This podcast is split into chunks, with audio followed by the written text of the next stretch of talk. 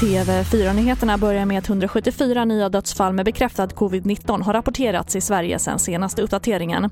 Därmed har totalt 6 972 smittade avlidit i landet enligt Folkhälsomyndigheten. Och den svenska IS-kvinna som greps tidigare i veckan på Arlanda har idag häktats i Lunds tingsrätt misstänkt för grovt egenmäktighet med barn. Kvinnan tros ha tagit med sig sin tvååriga son till ett IS-kontrollerat område i Syrien utan pappans medgivande. Kvinnan har varit efterlyst sedan en tid tillbaka och hon själv nekar till brott. Och Volvos VD Håkan Samuelsson vill förbjuda bensin- och dieselbilar. Han menar att ett förbud vore en bättre lösning för att få bilister att gå över till elbilar och att det kan vara mer effektivt för regeringar att sätta en tydlig agenda mot en elektrisk framtid.